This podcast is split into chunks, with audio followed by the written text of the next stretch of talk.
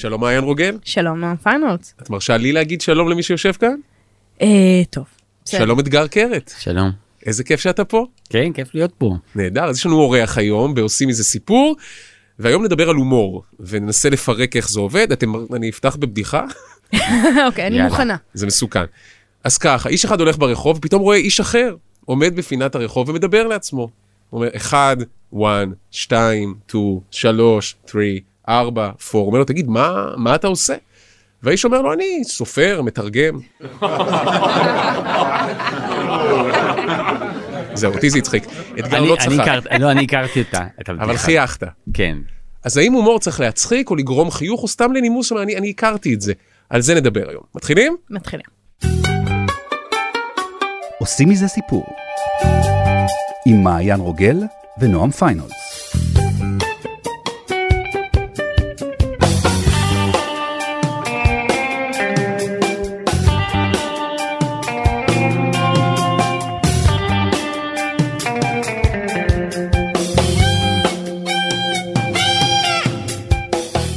אז שוב שלום אתגר קרת, שלום. כיף גדול שאתה פה. תגיד, כמה הומור הוא חלק מארסנל הכלים שלך? אני חושב שהומור הוא תמיד שם, אבל אה, הוא אף פעם לא מטרה. זה מצחיק כי פעם הלכתי עם הבן שלי, הלכנו בחוף, בחוף תל אביב, והוא אמר לי, אבא, משעמם, אה, תהיה מצחיק. והתגובה האינסטינקטיבית אמרתי לו, איך אני אהיה מצחיק? הכל בסדר. אוקיי, מעניין. ו- ו- מעולה. ומהבחינה הזאת אה, אני חושב ש- שזה, שזה קצת אה, הומור עבורי זה כמו כרית אוויר ברכב. זה בעצם כאילו איזה מין משהו שהוא מגן עליך אה, או עוטף אותך כשאתה במפגש עם משהו אחר זה קצת כמו פצפצים כזה שאתה עוטף משהו בפצפצים. אז אני חושב שכאילו אם אתה מוריד את הקליפה של הומור אם אתה מוריד את הפצפצים ואין שום דבר למטה. אז זה באמת זה מין סוג של הומור כזה שאתה יודע שמישהו דגדג אותך בבית השחי כאילו אבל אבל ההומור האמיתי ההומור שאני אני לוקח איתי זה הומור שבעצם הוא הוא גם מצחיק אותך אבל הוא בעצם מה שהוליד הוליד אותו זאת אומרת הגזע שלו זה לא הרצון להצחיק זה משהו אחר. אתה, אתה אומר את זה מהעמדה שלך יותר כקורא ו- וכקהל או יותר ככותב? אני חושב שאני, שאני אומר את זה אה, מתוך איזושהי עמדה קיומית. זאת אומרת, מבחינתי הומור, זאת אומרת העניין הזה של לצחוק, לצחוק זה אפקט כאילו, זה לא, אין לי שום עניין בלצחוק, אבל אני חושב שאם אה, בוא נגיד יורדים קומה, אז מה שעומד מאחורי הומור, אז אה, אפשר לדבר על דמיון, כי לרוב הומור הוא בעצם, זה, אנחנו מדמיינים משהו שהוא לא קורה, או חד פעמיות, כי ההומור זה אף פעם לא הרגיל. ואני חושב שאני תמיד אה, יכול לצחוק אבל בעצם אבל מה שמחזיק אותי מה שמעגן אותי מה שמחבר אותי להומור זה הדבר הזה שהוא אומר על הקיום שלי שהוא אומר על החיים ההבטחה הזו שנמצאת איכשהו מאחוריו. אז בוא רגע נעשה את הדבר המנומס של להציג אותך, כי אומרים אתגר קרת ולא צריך להציג, ובכל זאת, אחד הסופרים הישראלים הכי מצליחים בעולם, מראשוני וחלוצי הסיפור הקצר בארץ, אבל כותב גם סדרות וסרטים ואופרות ומערכונים. ומערכונים, החמישייה הקאמרית, עוד נגיע לזה.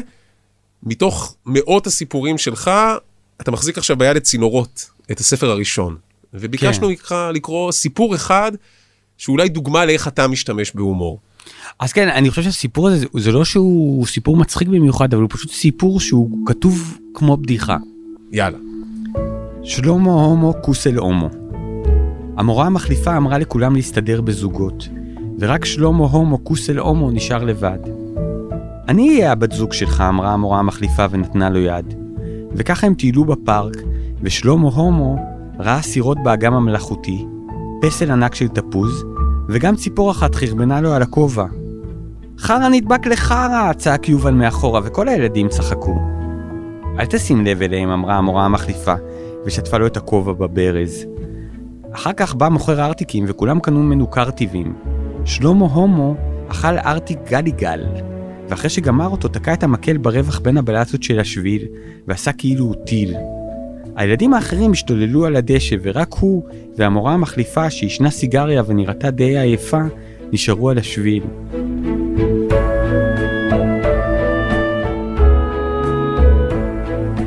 המורה, למה כל הילדים שונאים אותי? שאל אותה שלמה הומו כוסל הומו. מאיפה אני צריכה לדעת? משכה המורה בכתפי השמוטות. אני בסך הכל מורה מחליפה. אני לא יודע אם לצחוק או לבכות. קצת. אז כן, אז אני חושב שיש משהו בסיפור, שבסיפור אתה תמיד אה, נותן לקורא איזושהי נקודת הסתכלות. עכשיו כאן יש איזשהו ילד דחוי שכל הילדים בכיתה לא סובלים אותו, אבל אתה בעצם, הסיפור מה- מושיב אותך באוטובוס הזה שנוסע לטיול, אתה, אתה ילד מהכיתה שאתה גם חושב שהוא ילד מעצבן, זאת אומרת זה, הנר, זה הנרטיב. אה, עצם העובדה שכל פעם שמתייחסים לילד הזה קוראים לו בשם גנאי, והוא גם מציג את עצמו כאילו תחת שם הגנאי הזה, אז בעצם אנחנו מקבלים איזה שהוא הילד הדפוק. ואז בסופו של דבר, כאילו יש איזשהו מין סוג של פאנצ'ן, יש איזשהו מין מקום ש, שמעמיד אותך במקום הזה שאתה צריך לצחוק. עכשיו, אם אתה צוחק, אתה הופך להיות הילד המטריל, אתה הופך להיות ה- ההוא בלינץ' מוב, ואז בעצם הסיפור הזה, זאת אומרת על ידי ה, כאילו הניסיון להצחיק, הוא בעצם אה, אה, נותן לך חוויה של איך זה להיות בן אדם שעולב במישהו אחר בגלל שהוא חלש, בגלל שהוא שונה.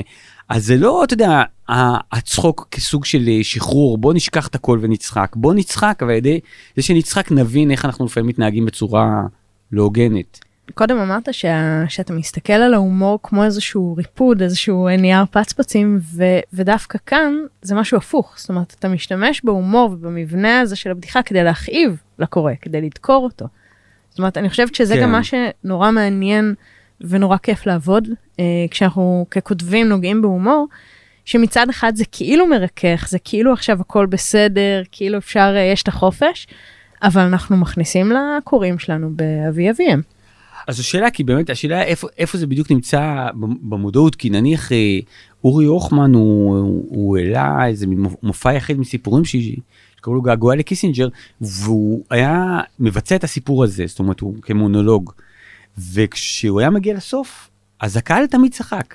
עכשיו הקהל באמת תמיד צחק, עכשיו זה אולי איזה צחוק כזה, זאת אומרת של בין ההוא שצוחק ואומר "אה, זה אהבל, לבין ההוא שצוחק ואומר אוי לא נעים שצחקתי, לבין, זאת אומרת לבין האיש ש- שאומר זה ממש מקומם, מקומם אבל אז זה בעצם מייצר איזשהו מין משהו אמביוולנטי. זאת אומרת זה כמו זה כמו שנניח אם לא יודע מה אני נאחז בעיונות גבוהים אבל כשאנחנו קוראים את החטא ועונשו אז זה, או שאנחנו קוראים את לוליטה אז אנחנו באים ואנחנו אומרים אוקיי כאילו העולם הזה של הרוצח של הפדופיל הם, הוא, הוא לא לגמרי זר לנו כי גם אנחנו כאילו זה מצחיק אותנו אבל אנחנו אומרים שזה לא מצחיק. אבל זה קצת גם קצת מצחיק אותנו אז אני חושב שהמקום המורכב הזה הוא באמת מקום שהומור מזמין אותנו המון פעמים הוא לוקח אותנו כאילו לאיזשהו מסלול ששם אותנו במקום שאנחנו לא כל כך יודעים איך לצאת ממנו. נדמה לי שמכל הרגשות, הומור זו מתמטיקה. יש נוסחאות. עכשיו, אתה גיליתי הבוקר, למדת מתמטיקה ופילוסופיה? כן. אה, זה- זו ההכשרה שלך, נכון? כן, זה, זה מה שהתחלתי ללמוד, כן, למדתי באוניברסיטת תל אביב, כן, פילוסופיה של המדע ו, ומתמטיקה, כן. שזה מגניב מאוד, כאילו מפתיע ובו זמנית לא מפתיע, איכשהו הסיפורים הקצרים עם נוסחאות כאלה של איך אני לוקח ואיך אני מעיף את הראש ברגע. בתוך המתמטיקה הזו של ההומור, יש, אני שואל רגע את מעיין, שהיא כאילו המתמטיקאית של הסיפורים פה בחדר, יש נוסחה של איך מצחיקים, נכון? יש כמה נוסחאות אה, בתוך הדבר הזה. אני חושבת שהנוסחה הראשונה בכלל שבא לי לדבר עליה מתוך באמת השיחה שלנו כאן זה העניין הזה של אה, הומור וחמלה. שבעצם כדי לאפשר לקהל, לקוראים, לצופים, לצחוק ממשהו, אנחנו צריכים להוריד את רמת החמלה שלהם. כלומר, אם הקוראים שלנו מרחמים מדי על uh, צ'רלי צ'פלין, אם הקוראים שלנו יותר מדי מרגישים ומזדהים עם שלמה הומו קוסלומו, אנחנו לא יכולים לצחוק, אנחנו רוצים לבכות יחד איתם. זאת אומרת שאנחנו דבר ראשון צריכים להוריד את סף הרגישות uh, של הקהל שלנו, כדי שהם יוכלו לצחוק בעצם כשהדמויות סובלות. יש כאן איזשהו מהלך. ואיך עושים את זה? אנחנו בעצם אה, כל הזמן מרחיקים, אנחנו משתמשים בטכניקות שונות אה, של אה, אה, עודפות דרמטית. זאת אומרת, כשאני... אמרת עוטפות דרמטית, עף לי המוח, מה זה אומר? זה אומר שלמשל כשיש לי מישהי שכרגע, ישר אני חושבת על לוויות, יש לי לוויה וכולם הולכים בשקט, אוקיי? ו- ודומעים, וזה רגע נורא מרגש, ורק אחת רצה אחרי הארון ומשתטחת וצורחת ומשתוללת, וכולם לא יודעים מה לעשות, אתה יודע, ויש שם את הפער הזה, אה, והיא משתוללת עם הצער שלה, אנחנו לא יכולים להזדהות עם זה כקוראים, כי זה יותר מדי, זה יותר מדי כאב בבת אחת. זה מרחיק אותנו, אז אפשר לצחוק על זה. גם אתה משתמש לפעמים בטריק הזה של להגזים ולהקצין וללכת כאילו ללחוץ על הגז, להעלות את הווליום ל-11? לפחות אצלי מאוד מאוד אה, חשוב לי לשמור על החמלה, לא להרחיק, כדי להכניס את ההומור באיזשהו מקום שהוא ייצור מתח בין השניים. זאת אומרת, נניח המון פעמים בין, אה, בין אה, רגש שאתה נורא נורא מתחבר אליו, וסיטואציה שלא הגיוני להפעיל בה את הרגש. אני, אני יכול להגיד ש, שאתמול אה, הלכתי לסופר וחזרתי עם ארגז, ובדיוק כשחזרתי עם ארגז אז הייתה לי שיחה ממספר כזה לא מזוהה. ו... ולפעמים יש לך את הרגע הזה שאתה בא אתה אומר אולי זה משהו חשוב אולי זה מפיק מארצות הברית אה, שהגיע לארץ וזה אתה אומר טוב נו אני אנסה לענות ואני ניסיתי לענות. וזה הבן אדם שאני מכיר אותו ולא דיברתי הרבה שנים והוא אמר לי תשמע אני רוצה לדבר איתך על משהו אמרתי תראה זה רגע לא טוב אני בוא אני אגיע הביתה אני אתקשר לך עוד 10 דקות. ואז הוא אמר לי כן אתה יודע אבל הרבה פעמים אנשים אומרים את זה ואחר כך אה, הם מגיעים הביתה והם שוכחים והם לא מתקשרים. איזה משפט עצוב. אז אמרתי, אתה יודע מה, אמרתי לו, בוא, תן 12 דקות, ואם לא התקשרתי, אז כנראה שכחתי, תתקשר אליי שוב. והלכתי למשפט הזה, ואמרתי, המשפט הזה, יש בו מנגנון קומי. למה? כי בעיקרון, זאת אומרת, מה שהוא אומר, הוא דובר אמת. זאת אומרת, גם יש מצב שהייתי שוכח אחרי 10 דקות להתקשר אליו. אבל בעצם מה שהוא עשה, הוא כאילו אה, שיחק איתי שחמט והוא גם שיחק כבר את המהלכים שלי וכבר הוא אמר למה אז אז נניח סתם אז אתה, אתה יכול לדמיין אה, משהו שמישהו פוגש בחורה והוא אומר לה בואי נעלה לחדר שלי ולבית שלי ונעשה אהבה. ואומרת כן אתה יודע אבל הרבה גברים אומרים את זה. ואז כשהם עולים אז אחר כך אין להם זקפה. ואז אה, אני בעצם כאילו אנחנו לא מצליחים לעשות את זה ואז זה נהיה נורא נורא מביך. עכשיו בעיקרון החשש הזה הוא חשש מאוד מאוד סביר. העובדה שאתה משתף פה מישהו אחר, יש בו משהו שהוא לא כל כך הגיוני, זאת אומרת, אתה כאילו צריך, אתה אמור להעמיד פנים, כאילו שאתה בא ואתה אומר בואנה יהיה בסדר, בואנה תתקשר עוד 10 דקות, בואנה אנחנו הולכים לעשות סקס נהדר, בואו הכל בסבבה, ואתה אמור לפחד בלב, אתה לא אמור לפחד בחוץ. אז, אז אני מבחינתי באמת, זאת אומרת, המנגנון ההומוריסטי הוא באמת, הוא מתחיל לרוב מרגע מחמיר לב. מאיזה מין מקום כזה שאתה בא ואתה אומר, בן אדם כאילו אתה צודק אבל לא עושים את זה ככה. מה שקרה עכשיו זה שראינו איך סיפור נולד? היינו עדים לרגע הזה? אני, שחזרת אני... אתמול מהסופר ופתאום הולך להיות סיפור על גבר ואישה שעולים הביתה? ככה זה עובד אצלך? יכול להיות, או שנניח סתם יש משהו במשפט הזה שזה, שזו דרך מאוד אה, חד פעמית לאפיין דמות.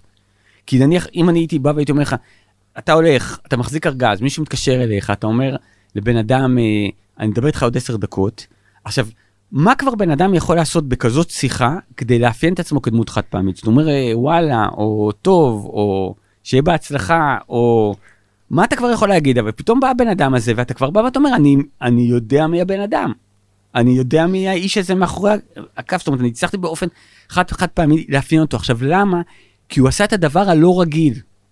הוא לא ענה את התשובה שאתה אמור לענות בסיטואציה הזאת, ועל ידי זה שהוא לא ענה את התשובה, אז הוא שוב, הוא פתח את החירות הזאת, זאת אומרת, קיום שיחה עם בן אדם עם ארגז, ניתן לנהל אותה באין סוף דרכים, וזה טוב שמישהו יזכיר לנו את זה. סטיב קפלן, אה, שהוא אחד מהמאסטרים הגדולים של הקומדיה, הוא בעצם מלמד כותבים איך לכתוב קומי ומייעץ לגופי שידור ולסדרות. בעצם נותן איזושהי נוסחה נורא מדויקת למהו הגיבור הקומי וישר מחברת את זה לסיפור הזה והוא אומר שגיבור קומי הוא גיבור שאין לו את הכלים הדרושים כדי להצליח במשימה כלשהי אבל הוא יעשה הכל כדי לנצח בכל זאת. זאת אומרת, ובתוך הסיטואציה הזאת עם הארגז, כל מה שהוא רצה זה להצליח לדבר.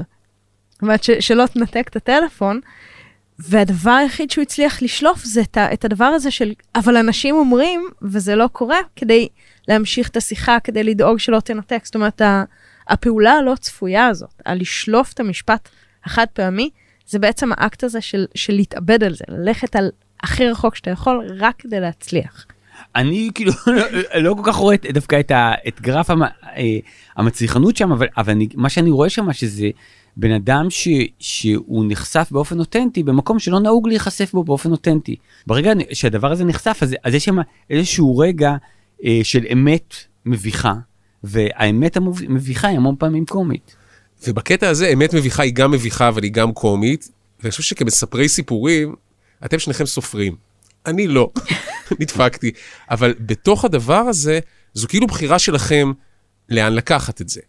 זאת אומרת, יש רגע בחיים שקורה, ואתה יכול כסופר ללוש אותו עכשיו ולהפוך אותו למערכון, או ללוש אותו עכשיו ולהפוך אותו לרגע שהוא באמת קורע לב. נכון? זו ממש אה, בחירה כזו. אני חושב שאתה קצת מציג את זה באופן בינארי. עכשיו, אני יכול להגיד שהתחלתי לעבוד בחמישייה הקאמרית, והם באו ואמרו לי, אתה רוצה לכתוב לנו? אז אמרתי להם, אני כן, אני כותב סיפורים, אבל הם לא באמת מצחיקים. אז הם אמרו, בסדר, גם המערכונים בתוכנית שלנו לא באמת נכון. מצחיקים. עכשיו, יש משהו בדבר הזה, שאני חושב שזה לא משנה אם אני כותב מערכון או סיפור, מה שמעניין מעניין אותי זה לא לקחת סיטואציה ולהפוך אותה למצחיקה או רגשית, זה להפוך אותה לשניהם. ולפעמים במערכון היא יכולה להיות יותר מצחיקה מרגשית, ולפעמים בסיפור יכולה להיות יותר רגשית ממצחיקה, אבל בעצם אני אומר, אם שני הדברים האלה הם לא מתקיימים, אני אתן דוגמה, דוגמה ממש גרועה, כאילו אני מרגיש כזה כמו באמת נהג מונית מה-70's, אבל, אבל זה באמת, זה, זה כאילו ההבדל בין אה, סקס לאהבה. כן באיזשהו אופן אני אומר זה באמת הדוגמה הכי גרועה שיש אבל, אבל אני אומר שיש באמת איזשהו משהו בהומור לשם הומור שזה כמו פורנו. שאתה בא ואתה אומר כאילו למה? כאילו בשביל מה אנחנו? כאילו מה הקטע? כאילו אתה בא ואתה אומר אני אעשה מבטא אני אביים צלייה אני אדגדג אותך מתחת לבית השחי אני עכשיו אפול על התחת אני אני אשפיל אה, אה, נשים ומיעוטים אני אעשה הכל רק תצחק באימא שלך כאילו לא אכפת לי כאילו מה אתה מרגיש רק ת, תעשה איזה מין משהו. עכשיו ושזה משהו שהוא תמיד אה, הציק לי ובגלל זה אני באמת אוהב הומור כמו של אה, מישהו כמו לואי סי קיי שהוא, שהוא מרשה לעצמו לבוא ולהגיד אני אהיה קיים והקיום שלי הוא גם יצחיק כאילו ולפעמים קצת יבלבל לפעמים יעיק ולפעמים אה, יקומם אבל כאילו זה חלק מזה וזה לא שיש לי איזשהו מין חוזה אה, סגור איתכם ש... נניח סתם באמת בסרטי אולפנים כאלה או הוליוודים אז אחרי שאתה כותב את התסריט אז מביאים את זה לבן אדם שהוא ידאג שכל 90 שניות יהיה פאנץ'. יהיה משהו מצחיק עכשיו אתה בא ואתה אומר זה לא לא שווה אם זה יהיה מצחיק זה, זה, זה, זה קצת כמו אם תבוא ותגיד אה, אה, כל 90 שניות אז יראו גבר או אישה יפים בעירום כן עכשיו אני למה מרגיש שזה מוטיב שמלווה את התוכנית והדוגמאות. כן, לא, אוקיי. זה לא במקרה כי כי נורא חשוב לי יש איזשהו משהו בהומור שאנחנו כאילו מתייחסים להומור בתור איזשהו משהו זך. אבל הומור הוא יכול להיות גם משהו מאוד מאוד סליזי, כי אם ההומור הזה הוא בעצם אה, אה, בונה על אביוס של מישהו אחר, אז זה באמת כמו פורנו. כן, זה כאילו יש איזשהו מין משהו שלא אכפת לך, כאילו אתה תמכור את אימא שלך בשביל הדבר הזה, ו, ואני חושב, ש, ואני חושב ש, שבאמת שכאילו, שיש דבר כזה, שיש הומור עם כבוד, זאת אומרת שיש הומור שהוא בא ואומר, אתה רוצה תצחק, אתה רוצה אל תצחק, אבל מתחת לדבר הזה מסתתר משהו. הזכרת לי עכשיו איזשהו מופע סטנדאפ מדהים שראיתי בנטפליקס לא מזמן, סטנדאפיסט בשם דניאל סלוס, שהוא באמת נהדר, הוא אפל, הוא כולו הומור שחור ואפל, ויש איזה רגע שהוא מתחיל לספר סיפור מצחיק על אחותו שסובלת משיתוק מוחין. והוא צוחק עליה, והוא צוחק עליה הרבה, ואז תוך כדי הוא עוצר, והוא אומר לקהל, מה, מה הפרצופים שלכם עכשיו? כאילו, למה אתם מצקצקים? בשם מי אתם נעלבים? הוא אומר להם, זאת אחות שלי, ואתם אף פעם לא תאהבו אותה כמו שאני אוהב אותה, ומותר לי, כי זו אחות שלי, ומותר לי לחקות אותה, ואם יש דבר שמצחיק אותה, זה שאני מחקה אותה וצוחק עליה, ויש לנו את הקטעים שלנו, אז כאילו, בשם מי אתם נעלבים עכשיו? בשם איזה מיעוט, בשם איזה קבוצה חלשה? People say to you, disability is never funny, never funny. What the fuck are you talking about? Disability can be hysterical. You just have to make sure that you're on the right side of the laughter. If you're laughing at the disabled person, congratulations, you're a pile of shit. But if you're laughing with them, oh, what a joy. The reason you say disability is never funny because it makes you uncomfortable and you don't know how to deal with it. And instead of dealing with it rationally, you've nominated yourself to be offended on behalf of people who you think are weaker than you, so you've decided to stand up for them. And nobody asked you to do that. והוא כל הזמן משחק על המתח הזה, דיברת על הומור כפורנו, שלהם יש דברים שמותר לגעת בהם, אסור לגעת בהם, ואז, ברגע הכי חזק, יש איזה שבע דקות של קטע קורע מצחוק, כי הוא מעולה על אחותו עם השיתוק מוחין, והוא מספר שיום אחד, ההורים שלו אומרים, לך לשכנה, יש לה שוב איזשהו התקף, לוקחים אותה לבית חולים, הוא הולך לשכנה, הוא מספר שם על דברים מצחיקים שקורים אצל השכנה, ואז בבוקר הוא חוזר הביתה, והוא רואה את אימא שלו יושבת על המיטה, ו- ובוכה, והאחות מתה. My mum's there, my dad's there, home from work. No Josie. And that was the moment that my mother told me that my sister died. עכשיו, שבע דקות היינו בלצחוק עכשיו על מישהי עם שיתוק מוחין. הוא לא אמר שהיא מתה, הוא יכול להגיד, אני רוצה לספר לכם על אחותי אחותי שמתה." זכרה לברכה, אבל לא, הוא כאילו שמר גם את זה כפאנץ'. יש איזה רגע שאתה, כאילו כל האוויר נשאב מהחדר, גם באולם שבו זה צולם, גם מהסלון שלי כשראיתי את זה, פתאום יש כזה... ושוב הוא אומר את המשחק, מה, אסור לי? כאילו, בשם מי אתם נעלבים? בשם מי אתם מצקצקים פה? It's my favorite part of the whole show. Just like, oh, and that's the moment my mother told me my sister died. Ah. Uh, what, What, what, do, what do we do? We laugh? Don't you fucking dare laugh. don't you fucking dare laugh. I don't know what to do. Do I look at him? Don't look at him. He might cry. זה בדיוק הגבול הזה שמשחק בין החמלה לבין ההומור, זה, זה הרבה יותר מורכב מסתם להצחיק. אני באמת חושב שגם הדבר הזה, זאת אומרת, הוא, הוא קשור לעניין הזה שב, שבבסיס הומור או הומור אמיתי בעצם מסתתרת חירות. אתה יודע, אפשר לקרוא לזה גמישות, אבל בעצם העניין הזה שבעזרת הומור אנחנו יכולים לפעמים לייצר שיח אחר על דברים שבעצם מבחינה חברתית אה, מסלילים אותנו לדבר עליהם אה, באופן מסוים. לא, אז תן דוגמה. כמה רחוק אתה הלכת? לי יש דוגמה טובה. אה, יש סרט יהודי שנקרא אריסטוקרטים. מכירים את כן. זה? של פול בובנזה, שזה בעצם אה, סרט ש, שחוקר בדיחה. עכשיו, אפרופו דברים שלא מדברים עליהם ובדיחות לא לעניין, זה בעצם הבדיחה הכי מלוכלכת אה, בעולם. זו הבדיחה הכי גסה ובלתי נסבלת. ויש את אלה שמספרים אותה מאוד קצר, ויש את אלה שמושכים אותה forever לחצי שעה של אה, תיאורים של אה, זוועות. לא, בוא, בוא נגיד קצת, זה כאילו מופע של משפחה בקרקס. כן. ואז השאלה היא איך אתה מתאר את המופע. האם זה כולל סקס עם בעלי חיים והפרשות, או לא? נכון? זה בערך הטווח. ולרוב זה כן, לרוב, ולרוב זה זה כן. כן, אוקיי. He takes a crap on the stage, jumps in the pile of shit, and they take a big group shit. The women slide on their asses all the way up through this shit. We just roll around in this shit. And they just start skating in the shit. Skate, you know, people skating shit. עכשיו, מה שהסרט הזה עושה, הוא בעצם מפרק את הבדיחה. הוא בעצם נותן אה, לעוד ועוד קומיקאים לספר עוד ועוד גם על הבדיחה ועל ההיסטוריה שלה, וגם את הבדיחה. ובהתחלה אתה שומע את זה ואתה אתה מזועזע לחלוטין, כי כאילו, זה, זה, זה נורא, זה לא מצחיק, זה בדיוק העניין הזה של האחות עם שיתוק מוחין, זה, זה הדברים האלה שמכווצים אותך, אבל באיזשהו שלב, בגלל המנגנון, בגלל שזה בנוי ככה שזה חוזר שוב ושוב והולך ומתגבר, אתה כבר לא יכול להתנגד לזה. זאת אומרת, אתה עובר איזשהו תהליך של אה, הורדת רגישות, שאתה כבר לא יכול אה, להתנגד לצחוק, להומור של זה. וזה מגיע עם שיפוט עצמי. זאת אומרת, יש כאן איזשהו משהו שה... שהומור כשהוא מופעל ככה, שאנחנו לוקחים ככותבים את, ה... את היכולות האלה, אה, ומפעילים את זה על הקהל איפה שהוא לא רוצה לצחוק, איפה שהוא רוצה להישאר מהוגן ובסדר, ו... ולפי הכללים החברתיים הנכונים, אנחנו עושים עליו פעולה, אנחנו בעצם משתמשים בכל הדמויות וכל המנגנון הזה, כדי אה, לעורר משהו ולעורר מחשבה ולעורר שיפוט ו- ולמתוח את הגבולות של הקהל שלנו בכלל. זה בכלל, אה, אנחנו רק מנצלים את הדמויות. אני יכול להגיד באמת, אה, זאת אומרת, שאם אני רוצה לתת דוגמה, זאת אומרת, איך אתה יכול לנהל שיח על משהו דרך הומור, שקשה לך לנהל אותו אה, בדרך אחרת, אז לי יש מערכון אה, ל- אה, שכתבתי לחמישייה קאמרית, שקוראים לו Haven't the Jewish people suffered enough, שזה תחרות ריצה בגרמניה, שבה יש כאילו שני אנשים אה, from the Israel delegation מהמשלחת, שהם רוצים לתת אה, לאצן ישראלי אה, לרוץ קצת פחות, בגלל שאימו ניצולת השואה באה לראות אותו באצטדיון, והם רוצים to smaller the השפלה. כמו- שמאלר דה השפלה, לא, זה, אתה כאילו צריך להסביר מה המערכון, אתגר, באמת. We want uh, to ask you for a little favor, nothing big, just to give him five, six meter four. We just want to smaller the השפלה. Look, uh, look over there, his mother. Very brave woman. After all she's been through, she came back to here to see her son running. It breaks the heart. How do you not ashamed? You not see Schindler? All the television of the world watching us, you don't care. Haven't the Jewish people suffered enough? Haven't the Jewish people suffered enough? תירגע, פלדרמאוס, חבל על הנרבים, תירגע. המערכון הזה הוא פחות או יותר המערכון היחידי בחיים שלי שאני קלטתי אותו בהזמנת הוריי שהם שניהם ניצולי שואה וואו. ויום אחד אנחנו פשוט ישבנו וראינו אה, פוליטיקאי עבר ישראלי ידוע אני לא אנקוב בשמו שהוא הגיב אחרי הפצצה בעזה או פגיעה באזרחים או משהו אז אה, הוא הגיב לגינוי אירו- אירופי והוא אמר איך הם הגרמנים והצרפתים שהדם של הורינו וסבתנו זועק מהאדמה הם יגידו לנו על מוסר הם יגידו לנו על אתיקה.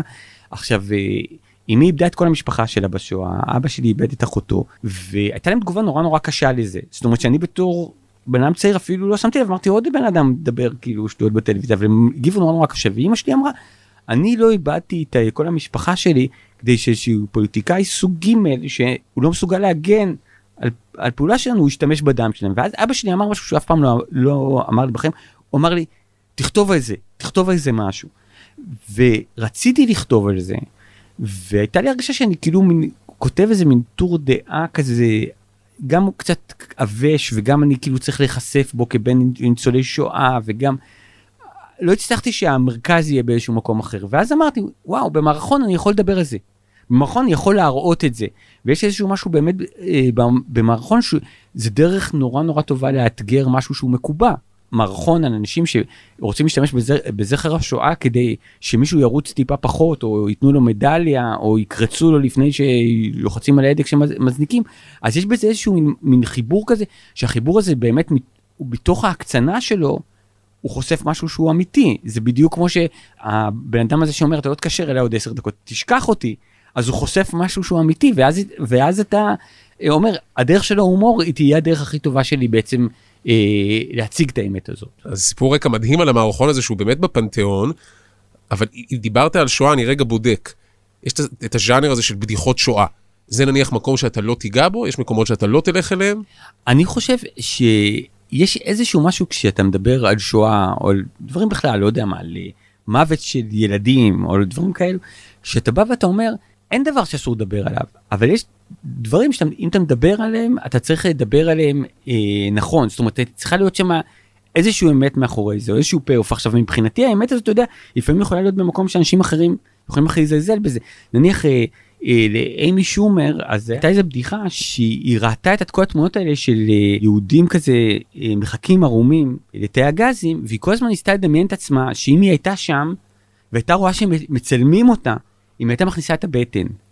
אוקיי. עכשיו, עכשיו, שהיא סיפרה את הבדיחה הזאת ותקפו אותה המון. עכשיו, אני בתור בן אדם שדווקא מאוד מאוד רגיש לדברים שאני רואה שואה ואני לא אוהב, אני חשבתי שהיה משהו נורא נורא אמיתי בבדיחה הזאת, כי בבדיחה הזאת היא, היא אמרה, תמיד כשאנחנו רואים את האנשים האלה שם, אנחנו רואים אותם שם, זה לא אנחנו. עכשיו, כשאני מנסה לשים אותי שם, כשאני מנסה לעשות הומניזציה לסיטואציה, אז בהומניזציה לסיטואציה אתה מפסיק להיות סמל לסבל וקורבן.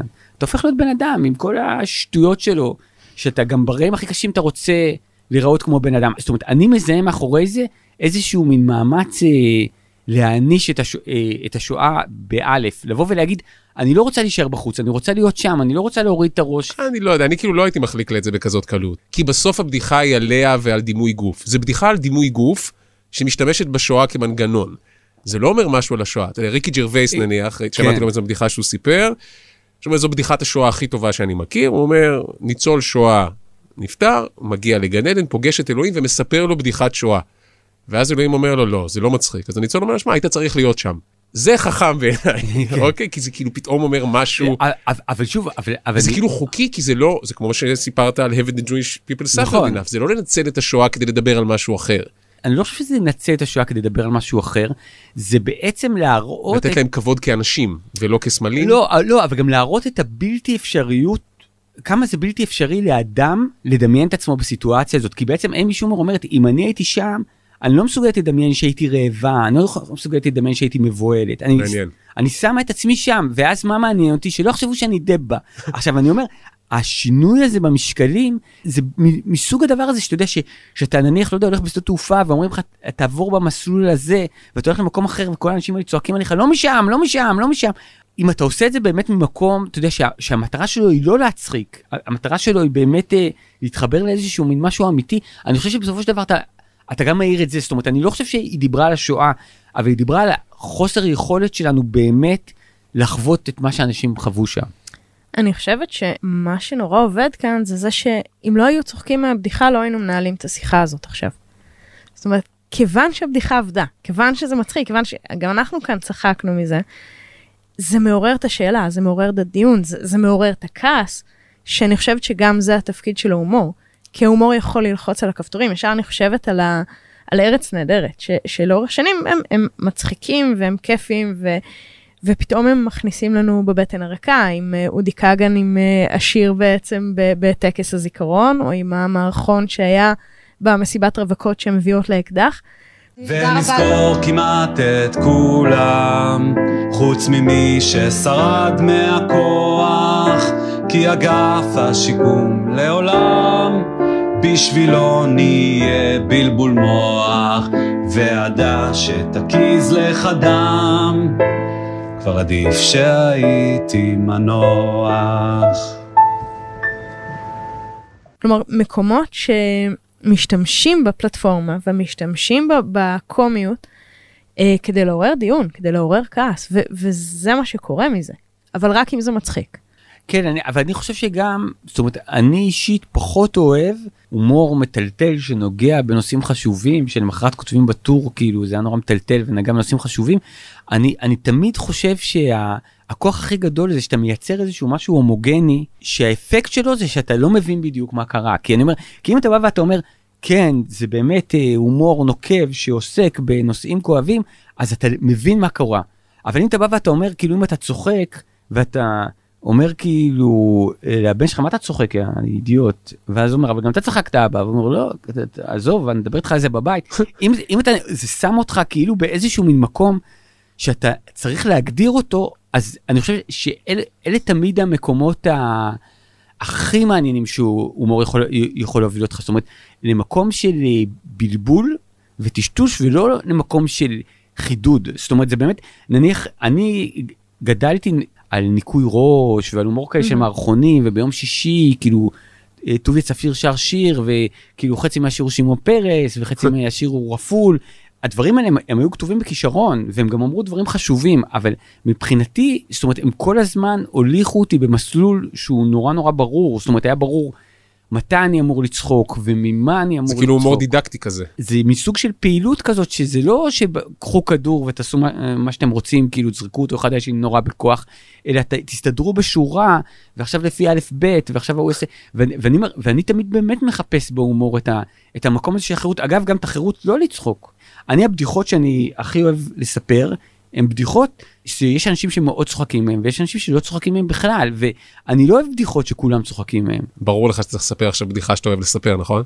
אז קודם כל זו לא בדיחה שלי, זו בדיחה ש, של עוזי וייל, שאני, שאני מאוד אוהב, אני אוהב לספר אותה, וזו בדיחה לאיש אחד שהוא עבד, אה, בן אדם מבוגר כבר, באמת, אה, כבר הגיע לגיל פרישה, ושהוא עובד בתור מוצץ פרונקלים, זאת אומרת שמישהו שיש לו פרונקל, אז כאילו, מתקשר אליו, והוא כאילו צריך למצוא את הפרונקל, והוא בן אדם מבוגר, והוא כזה על אופניים, וזה בדיוק סערה.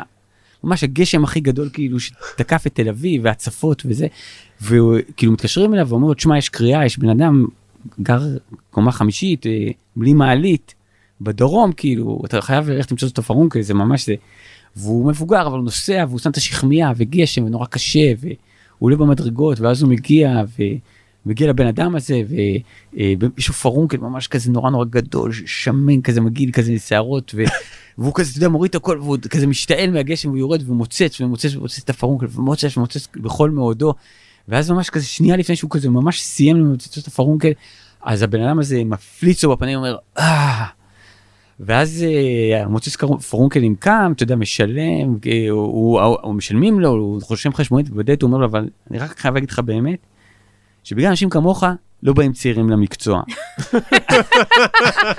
אז עכשיו עכשיו אני אומר יש משהו מה שמצחיק אותי מה שמצחיק אותי בבד- בבדיחה הזאת זאת אומרת שבעולם שבו נניח אנשים חברים שלי מכירים את הבדיחה הזאת אז הרבה פעמים אני יכול להגיד לאנשים בגלל אנשים כמוך הם לא באים צעירים למקצוע והם מבינים למה אני מתכוון כי כי כאילו כל הבדיחה הזאת זה באמת על, ה, על הפער הזה בין תיאור סבל אינסופי של בן אדם שמקריב את עצמו למען הכל לבין איזשהו משפט שהוא כאילו הכי קלישאי והכי מפגר כאילו אני לא יודע מה אתה יודע כאילו בא אליך אינסטילטור אומר תגיד אתה לא מביא לי טיפ?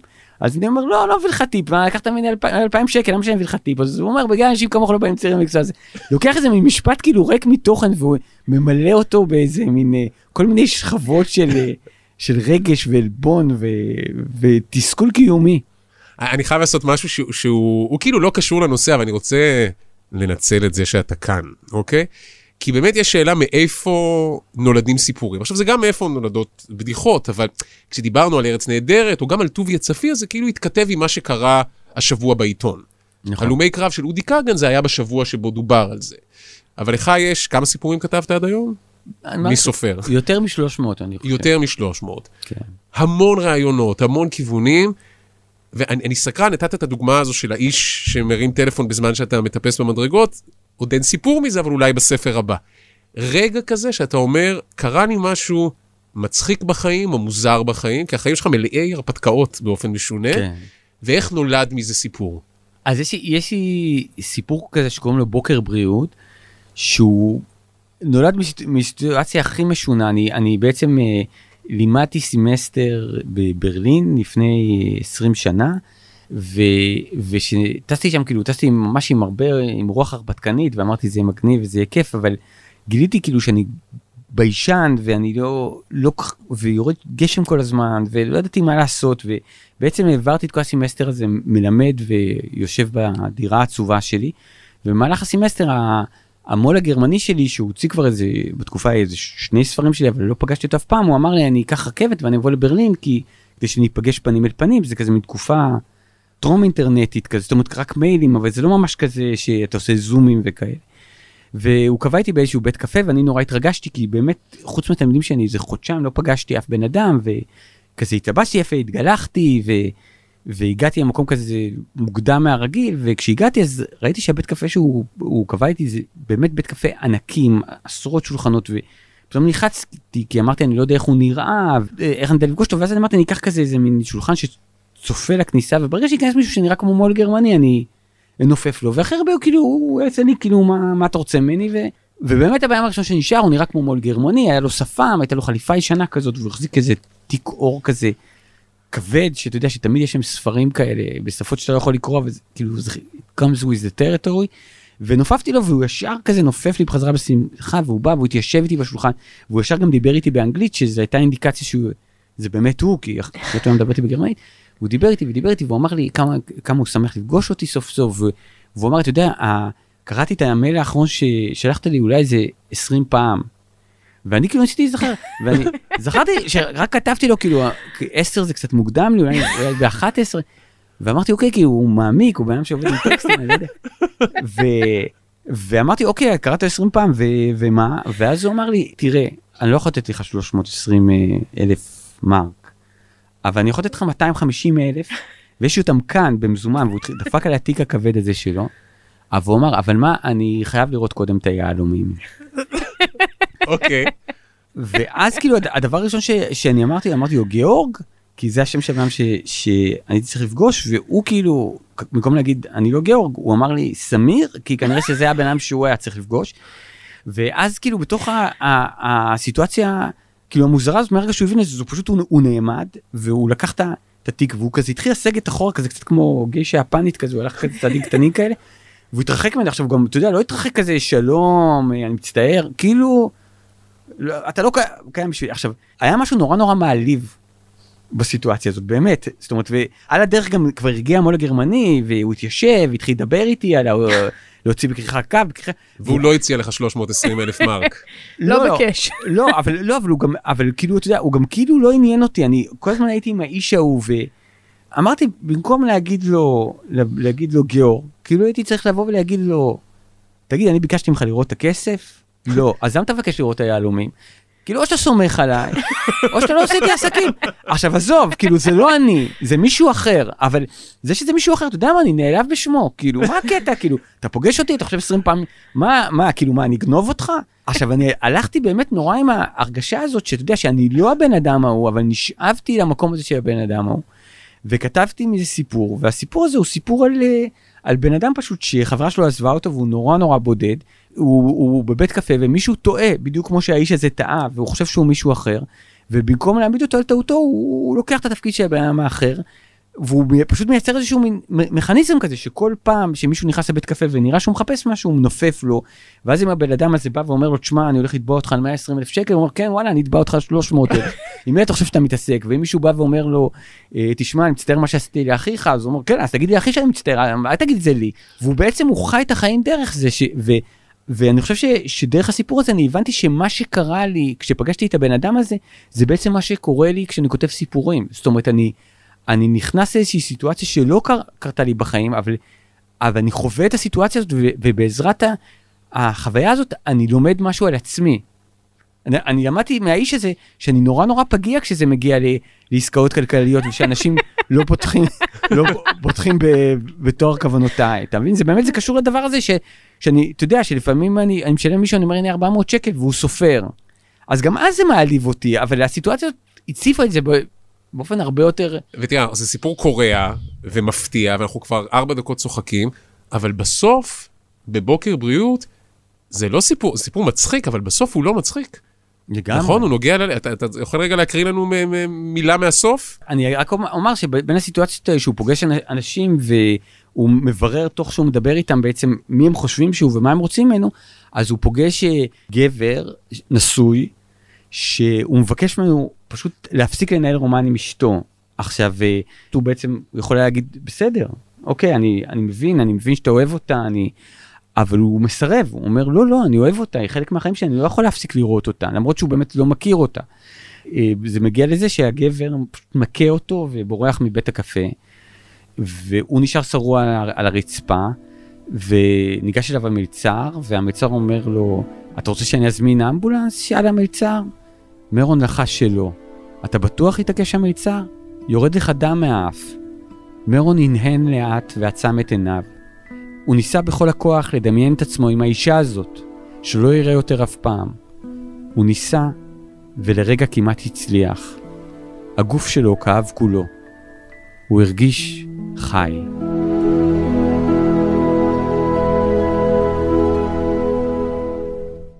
מבחינתי הסיום הזה, זאת התחושה שלי שאני כותב סיפור. אני, אני מרגיש חי, זאת אומרת, אני לפעמים עובר עם, ה, עם הדמויות שלי כל מיני דברים שלא הייתי רוצה לעבור אותם בחיים, אבל בסופו של דבר זה איכשהו מחבר אותי עם איזשהו מקום שהוא אותנטי ואמיתי. זה נורא יפה מה שאמרת עכשיו. התחלנו בתוכנית על הומור, זה יצא למקומות אחרים לגמרי וזה נהדר. אז נגיד תודה אה, למאיה בניסן, שעשתה את הסאונד, לעורך שלנו דן ברומר, מעיין רוגל, תודה לך. נועם פיינולס. אתגר קרת, תודה גדולה שבאת, תודה לכם. כיף גדול.